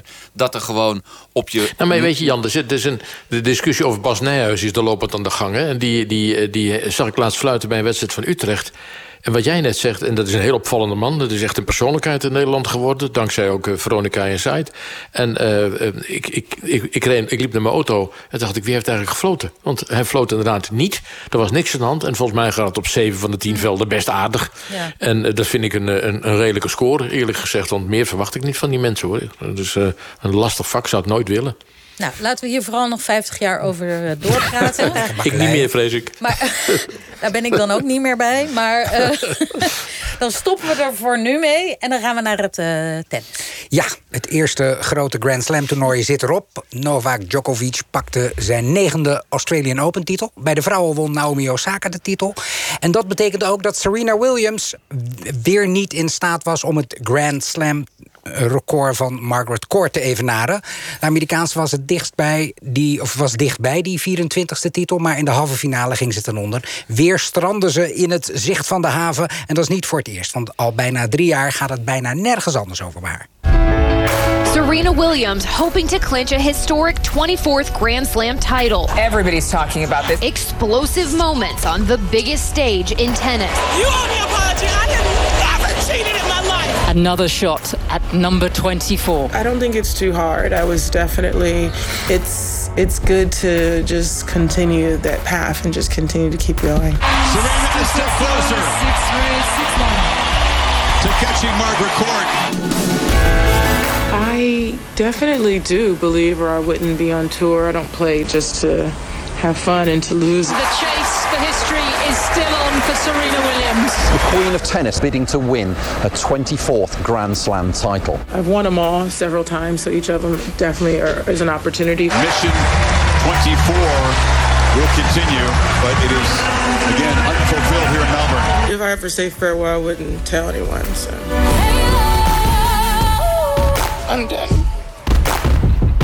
I'm done. Vier kansen kreeg ze in eh, 2018, 2019. Haalden ze de finale op Wimbledon en de US Open. Maar voorlopig dus nog zonder succes. Jan, we hoorden net uh, dat ze in uh, tranen die persconferentie verlaat. Ja, dat is niet voor het eerst hoor. Dat getraand. Nee, bij Serena Williams. Dat gebeurt wel meer. Maar um, ja, het is, het is wel grappig dat, dat uh, Tom Schallies, de redacteur... Die, die, die belde mij vandaag wat we dan gingen Wereldberoemd die man ineens, ja. ja. Die had mij, die had mij gevraagd voor deze maandagavond... om over de Australian Open ook te praten. Dus ik heb mij vanmiddag wat meer verdiept in Naomi Osaka. En, uh, maar natuurlijk het verhaal Williams is, is actueel. Maar eerlijk gezegd vind ik dat wat minder actueel dan Osaka. Want dat is echt degene die het aan het overnemen is... als het gaat om het winnen van Grand Slam titels... en van wie ik Williams niet zie winnen op een Grand Slam. Zeker niet op hardcourt in Australië en niet in, niet in Amerika. En ook niet als Williams nog zo ver zou komen. En ook Osaka op het gras van Wimbledon. En ook niet op Roland Garros. Dus zolang Osaka uh, uh, blijft tennissen zoals, zoals, ze nu doet... een wereldster aan het worden is... en echt iemand die die nummer 1 titel uh, in het tennis kan gaan pakken... en een tijd daar kan gaan komen... Um, dan zie ik Serena Williams nooit die, die, die 24, 24 titels van Margaret Court... Uh, die, die zeer terecht bekritiseerde Australische... Uh, die die 24 Grand Slam titels heeft in het ver verleden. Dat zie, dat zie ik haar niet redden. Maar, maar hoe lang denk jij dat Serena nog doorgaat? Nou, als dat haar enige drive nog is... Uh, dan, dan, dan kan ze nog wel doorgaan op, en, en haar toernooien uitkiezen. En dat zal ook met de pandemie te maken hebben. En, en de locaties, waar ze neemt vaak de dochter mee. Um, dus het moet ook wel geriefelijk zijn voor, voor Serena Williams. Want ze heeft natuurlijk alles al meegemaakt. Maar misschien dat ze nog steeds die, die, die, die, die 24e titel uh, voor ogen heeft... maar zich op een gegeven moment ook misschien zal neerleggen... van nou, dat is er niet gelukt. Nee. Verder fantastische carrière. Ja, maar zou je het ja. mooi vinden? Nou, het zegt mij niet zoveel. Nee, zie je, nee, ik het, zegt mij, het zegt mij echt helemaal niet zoveel. Ik vind uh, Margaret Court een, een, een, een, een vervelende dame... Uh, vanwege haar uitspraken. Uh, en die voor, voor, even voor de mensen die niet weten ja, welke ze uitspraken? Heeft, ze heeft beledigende uitspraken gedaan over homoseksualiteit. uh, over de apartheid. Over de apartheid. Ja. weet je, een hele ouderwetse dame. Fel uitgesproken fel, tegen abortus. Ja, fel uitgesproken tegen abortus. Dus ik heb niet zoveel met deze vrouw. En dan evenaart ze dat record. Nou ja, oké, okay, het zou mooi zijn als ze dan weer 25 zou halen. Dus het zegt mij niet zoveel. Als het Serena Williams veel doet, nou ja, kan ik begrijpen dat dat drivers om verder maar te gaan. ik hoor bij jou niet een enorm enthousiasme over Serena Williams sowieso. Nee, nou, dat, dat, dat, dat heeft er ook een beetje mee te maken... dat ik gewoon het tennis van Naomi Osaka gewoon mooier vind... en moderner vind. En uh, ik vind het, de, het tijdperk Serena Williams een beetje geweest. Een fantastische sportvrouw, weet je. Ik krijg er wel kippenvel van als ik in die zin over praat. Gelukkig. Maar, uh, uh, absoluut, weet je. Ik bedoel, ik ben ook in, in 20 jaar geleden in Compton geweest in L.A... waar zij is opgegroeid en, en heb ook in die, in die wijken meegemaakt... hoe hard het leven daar is. En dat de basis is daar gelegd voor, voor dit succes. Ze is natuurlijk ook een, een, een, een iemand geweest die... Uh, een boegbeeld is geweest voor, voor, voor, de, voor, de, de, voor de zwarte vrouw in Amerika. En daar veel voor heeft gedaan. Maar ja, ik zij heb, is heel veel meer dan Zij is tennis, heel veel meer natuurlijk. geworden, ja, natuurlijk ook, zeker. Ja. Zij is heel veel meer geworden voor het tennis. En, En en, da- daarom vind ik die strijd die ze nu voert, dat vind ik mooi aan sport, Jan. Is dat ze, dat ze dus eh, eigenlijk weet dat ze niet meer zo goed is als bijvoorbeeld Osaka. Dat ze doorgaat, doorgaat, doorgaat. Ze heeft, eh, zag ik, eh, meer dan 100 miljoen aan prijzengeld verdiend, dollar. Eh, eh, los van alle commerciële activiteiten die ze ook weer miljoenen zijn beloond. Het gaat haar dus nu niet meer om Nee. geld. Het gaat nu om, om eh, op je tenen lopen toch nog optimaal te, Ja. presteren. In de hoop En- dat je. Nou, dat vind ik, vind ik fascinerend. Ja, dat vind ik ook. Ik vind het ook, ik vind het ook fascinerend. Maar ik, ik bedoel, voor mijn gevoel, als je nog een keer Wimbledon wil winnen, zegt dat meer dan die 24, dan Market Court evenaren. Dat is een beetje waar ik mee, mee, mee. Ze heeft Maar alles is al dat, gewonnen. is dat ook de drijfveer waarom ze het nog doet op haar Nou, blijkbaar ja. 39ste? Blijkbaar ja, die 24e titel pakken. En dat zie je wel een beetje terug met mannentennis natuurlijk. Hè. Federer staat op 20, Nadal staat op 20, Djokovic nu op 18. Weet je? En je kunt je dus echt de beste tennisser aller tijden noemen... als je op een gegeven moment 21 Grand Slam titels hebt Ja, gewonnen. maar jij zegt, je, je bent een grote... maar dat heeft dan niks te maken met de hoeveelheid titels. Ja, heeft er natuurlijk waar, ook wel waar mee zit- te Waar maken. zit het hem in eigenlijk? Nou, Wanneer ben je de allergrootste... Ehm, ja, In de tennissport. In, in mijn ogen heeft dat, heeft dat natuurlijk te maken met, met puur de feiten. Want daar is topsport op gebaseerd. Als je dus inderdaad als, maar we- als, als Serena Williams op een gegeven moment 25 titels zou pakken. Ehm, eh, en maar het die heeft, tijd en- kun je niet met elkaar vergelijken, toch? Nee, die kun je ook Nee. niet met elkaar vergelijken. Dat is een hele andere tijd. Dus wat er nu wordt gepresteerd op tennisniveau is extreem. Is extreem. Ik weet niet of we dat ooit nog gaan meemaken. Maar is de invloed die Serena Williams heeft gehad op het vrouwentennis... van die aard dat je haar de grootste kunt noemen? Ja, absoluut. Dat- In welk opzicht heeft zij het vrouwentennis veranderd? Nou, het, het, het, het winnen van zoveel Grand Slams. Ehm, het, het, eh, het aantonen dat je ook op gevorderde leeftijd, dik in de 30, eh, eh, met een kind topsport kan, kan bedrijven op hoog niveau. Da- daar vind ik haar ook een, een, een heel mooi voorbeeld in. Um, nou ja, en, en, en een boegbeeld, boegbeeld voor, het, voor het vrouwentennis in die zin. Ja het harder hij komt wel los hoor, Jan. Jan komt wel los hoor. Ja. wat, wat, hoe, hoe zie jij dat, Freesia? Is zij... Ja, ik ben een heel groot fan van Serena Williams. Ik vind niet dat uh, alle sporters uh, verplicht zijn... om zich ook maatschappelijk uh, bewust te zijn en, en uit te spreken. want ik vind dat iedereen dat voor zichzelf moet bepalen. De ene sporter kan misschien zijn focus dan niet houden... en wordt dan afgeleid op het moment dat het rondom een belangrijk sportevenement... over maatschappelijke vraagstukken gaat. Dus dat, dat moet iedereen iedereen voor zichzelf bepalen. Maar Serena Williams is voor de Black Lives Matter beweging... voor uh, body positivity en uh, women empowerment. Hebben we lekker even allemaal uh, Engels ja. gegooid. Maar daarin heeft zij zo'n belangrijke rol gespeeld... en schroomt niet om daarbij echt gewoon grove teksten te gebruiken. wat ook nodig is om het op te schudden. En, ik en denk nog dat, steeds dus, En nog steeds, zeker. Maar, ja het, het leuke is dat, dat Naomi Osaka die rol aan het overnemen is natuurlijk. Hè? Dat, dat is echt fantastisch. Ja, maar dat is echt fantastisch. Wat die heeft gedaan met Black Lives Matters toen in, in, in Amerika. Uh, uitgesproken uh, uh, meisje, vrouw van 23 inmiddels. Die, die, die diep zat hoor, twee jaar geleden, mentaal opzicht. gebukt ging onder al die commerciële deals. Heeft zich daar fantastisch van hersteld. Is nu echt een persoonlijkheid. Is het boegbeeld voor Japan bij de Olympische Spelen in Tokio... als die hopelijk doorgaan. Mm spreekt zich ook uit over al deze zaken. Is zich zeer sociaal bewust. Dus vind ik daar krijg ik ook weer kippenvel van. Dat vind ik fantastisch voor het tennis.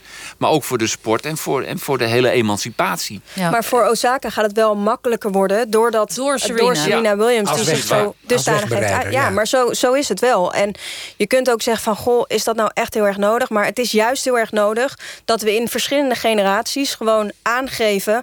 Uh, dat dingen nog niet normaal zijn. En dat moeten we ook blijven doen. Met, met een toevoeging daar nog in dat in, dat in Noordoost-Azië natuurlijk de, de, de emancipatie van de vrouw nog ver achterloopt uh, in, in, vergelijking met Amerika, waar Osaka een enorme rol in kan spelen en in speelt op dit moment. Hè. Hoewel ze dus slecht Japans spreekt.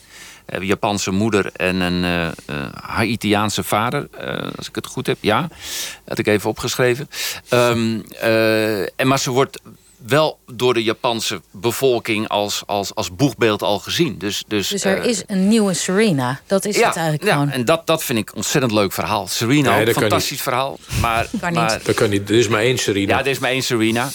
maar er is een, een, een opvolgster uh, die zo, zich echt nu, Zo zeggen we het goed. Die zich er echt is een opvolgster voor Serena. Die misschien tegen nog meer dingen aan ja. durft te schoppen. Juist. Ja, over tegen dingen aanschoppen gesproken. Um, uh, um, maatschappelijke kwesties in de sport die, uh, de, dat was er de afgelopen tijd ook in, in Italië, in de, in de sportkrant Gazzetta del Sport.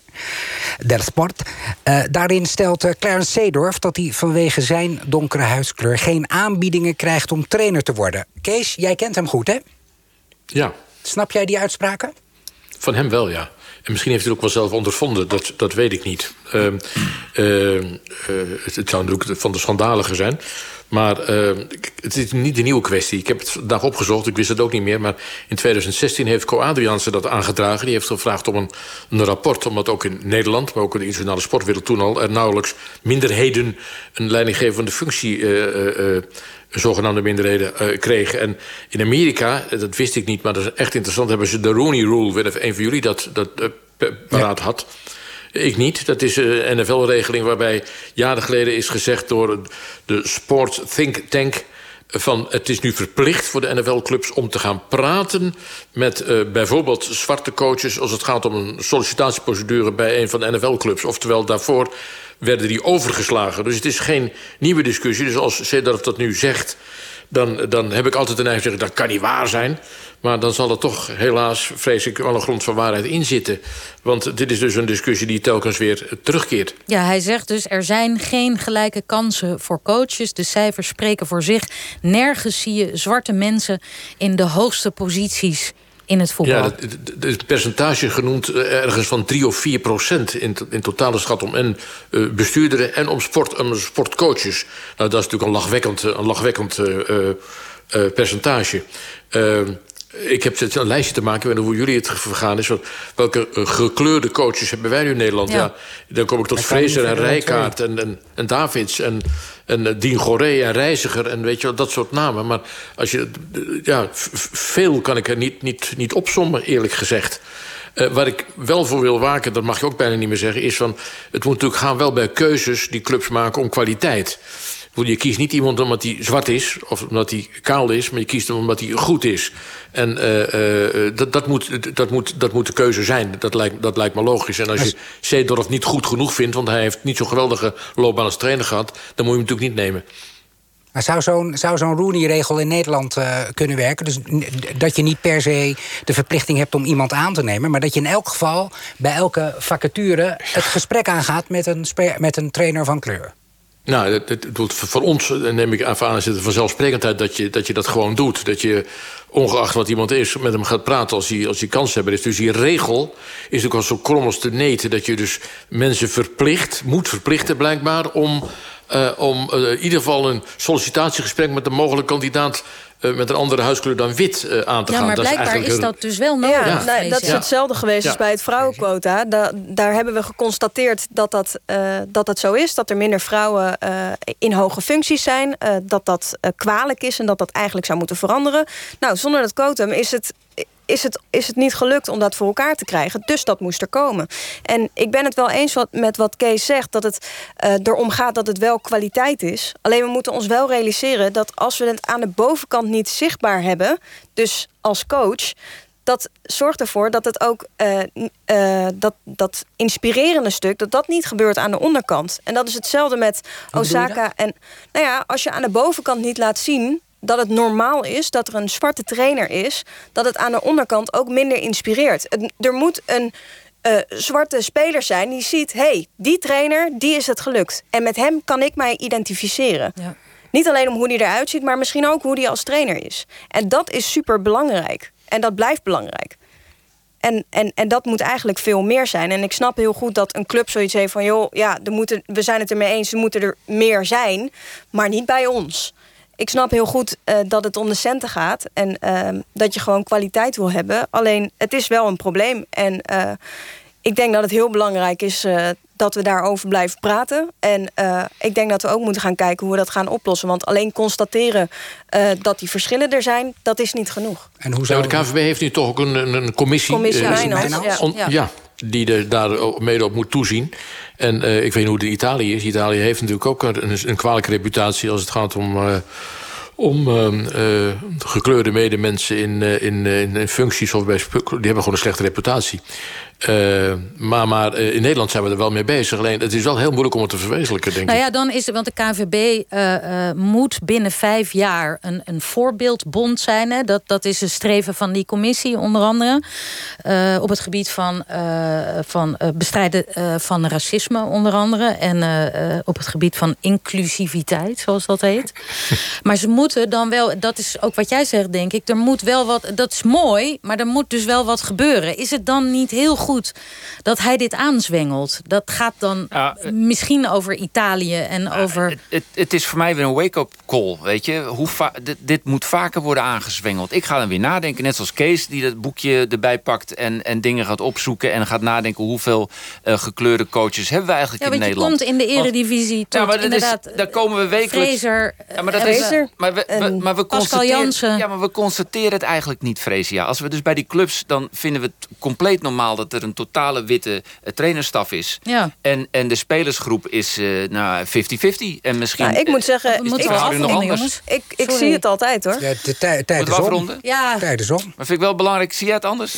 Ik, ik zie het altijd, het valt mij altijd ja, ja, op. Okay. We moeten nou, laatste man. Iedereen, kom erin. Ja, vandaag werd bekend dat Nederland zich kandidaat wil stellen voor het WK wielrennen van 2027. Dat is namelijk een super WK. Een uh, nieuw evenement waarbij eigenlijk alle wielerdisciplines op het programma staan. En het zou natuurlijk fantastisch zijn als we in de zomer van 2027 alle wereldtoppers naar Nederland. Terwijl er nu een uh, bericht binnenkomt dat uh, Nederland zich terugtrekt als kandidaat voor het WK van 2027. Dat is op advies van het ministerie van Volksgezondheid. die hebben aan de bel getrokken vanavond. En uh, gezegd, ja, allemaal heel leuk, maar dit komt voor ons echt veel en veel te vroeg. uh, volgens de laatste modellen zitten we tegen die tijd op ongeveer 6000 besmettingen per dag. En we zijn dan ook uh, nog lang niet klaar met vaccineren. Dus het is gewoon te riskant. Het WK wielrennen van 2027 hoogstwaarschijnlijk dus naar Nieuw-Zeeland. Dit was het. Straks met het oog op morgen met Chris Keijnen. Goeiedag. NPO Radio 1. We zijn uit ten treuren gewaarschuwd. Nederland op weg naar 17 maart. Tweede Kamerverkiezingen. Het is aan ons om kiezers in Nederland duidelijk te maken... Wat vinden de partijen? Winner takes all economie. Wat zijn de standpunten? Ja, ik ben het er gewoon niet mee eens. De verschillen. Hou op met die gekkigheid. De raakvlakken. Daar moet echt de onderste steen boven komen. 13 lijsttrekkers tegenover elkaar in het NOS-verkiezingsdebat. Wat ik zeg is, het is tijd dat de man uit het torentje gaat. Luister vrijdagmiddag van 5 tot 7. En bepaal je stem. Dat is een fundamenteel verschil van inzicht. Het NOS-verkiezingsdebat. Op NPO Radio 1. Volgens mij komen de verkiezingen aan. Het nieuws van alle kanten. De nieuwe oplaadbare hoortoestellen van Specsavers. Zonder batterijen. Zo spaart u zowel uw portemonnee als het milieu. En u laat ze eenvoudig weer op. Uw zorgverzekeraar vergoedt 75% en Specsavers de rest. Kijk voor de voorwaarden op specsavers.nl. Op zoek naar een vast en stabiel rendement? Vermogensbeheer Pro is gespecialiseerd in kwalitatieve vastgoedbeleggingen met overheidsgaranties. Wij bieden een rendement tot 9% per jaar. Bekijk ons aanbod op www.vermogensbeheer.pro. De Belgische en de Nederlandse politie vragen de aandacht voor een vermissing. In de nieuwe BNN-VARA-serie Red Light raken de levens van drie vrouwen met elkaar verstrengeld na een mysterieuze verdwijning. Carice van Houten en Harlina Rijn schitteren in deze serie over prostitutie en mensenhandel. Ik dacht echt dat het wel een goede gast was. Stream alle afleveringen van Red Light nu op NPO+. Vermogensbeheer Pro. Een veilig en solide alternatief voor sparen en beleggen. Namens iedereen bij de ANWB... Bedankt! We waarderen dat je lid bent. Daarom geven we leden die nu een autoverzekering bij de ANWB afsluiten... een jaar lang extra korting. Zo weet je zeker dat je bij een botsing of andere autoschade goed geholpen wordt... en je betaalt niet te veel. Want hoe langer je lid bent, hoe hoger de korting, tot wel 20% Dat is dus goed voor elkaar. Bereken je premie op anwb.nl slash autoverzekering. En oh ja... Ook op de woonverzekeringen van de ANWB krijg je nu als lid een jaar lang extra korting. Bereken je premie op anwb.nl slash woonverzekering. NPO Radio 1.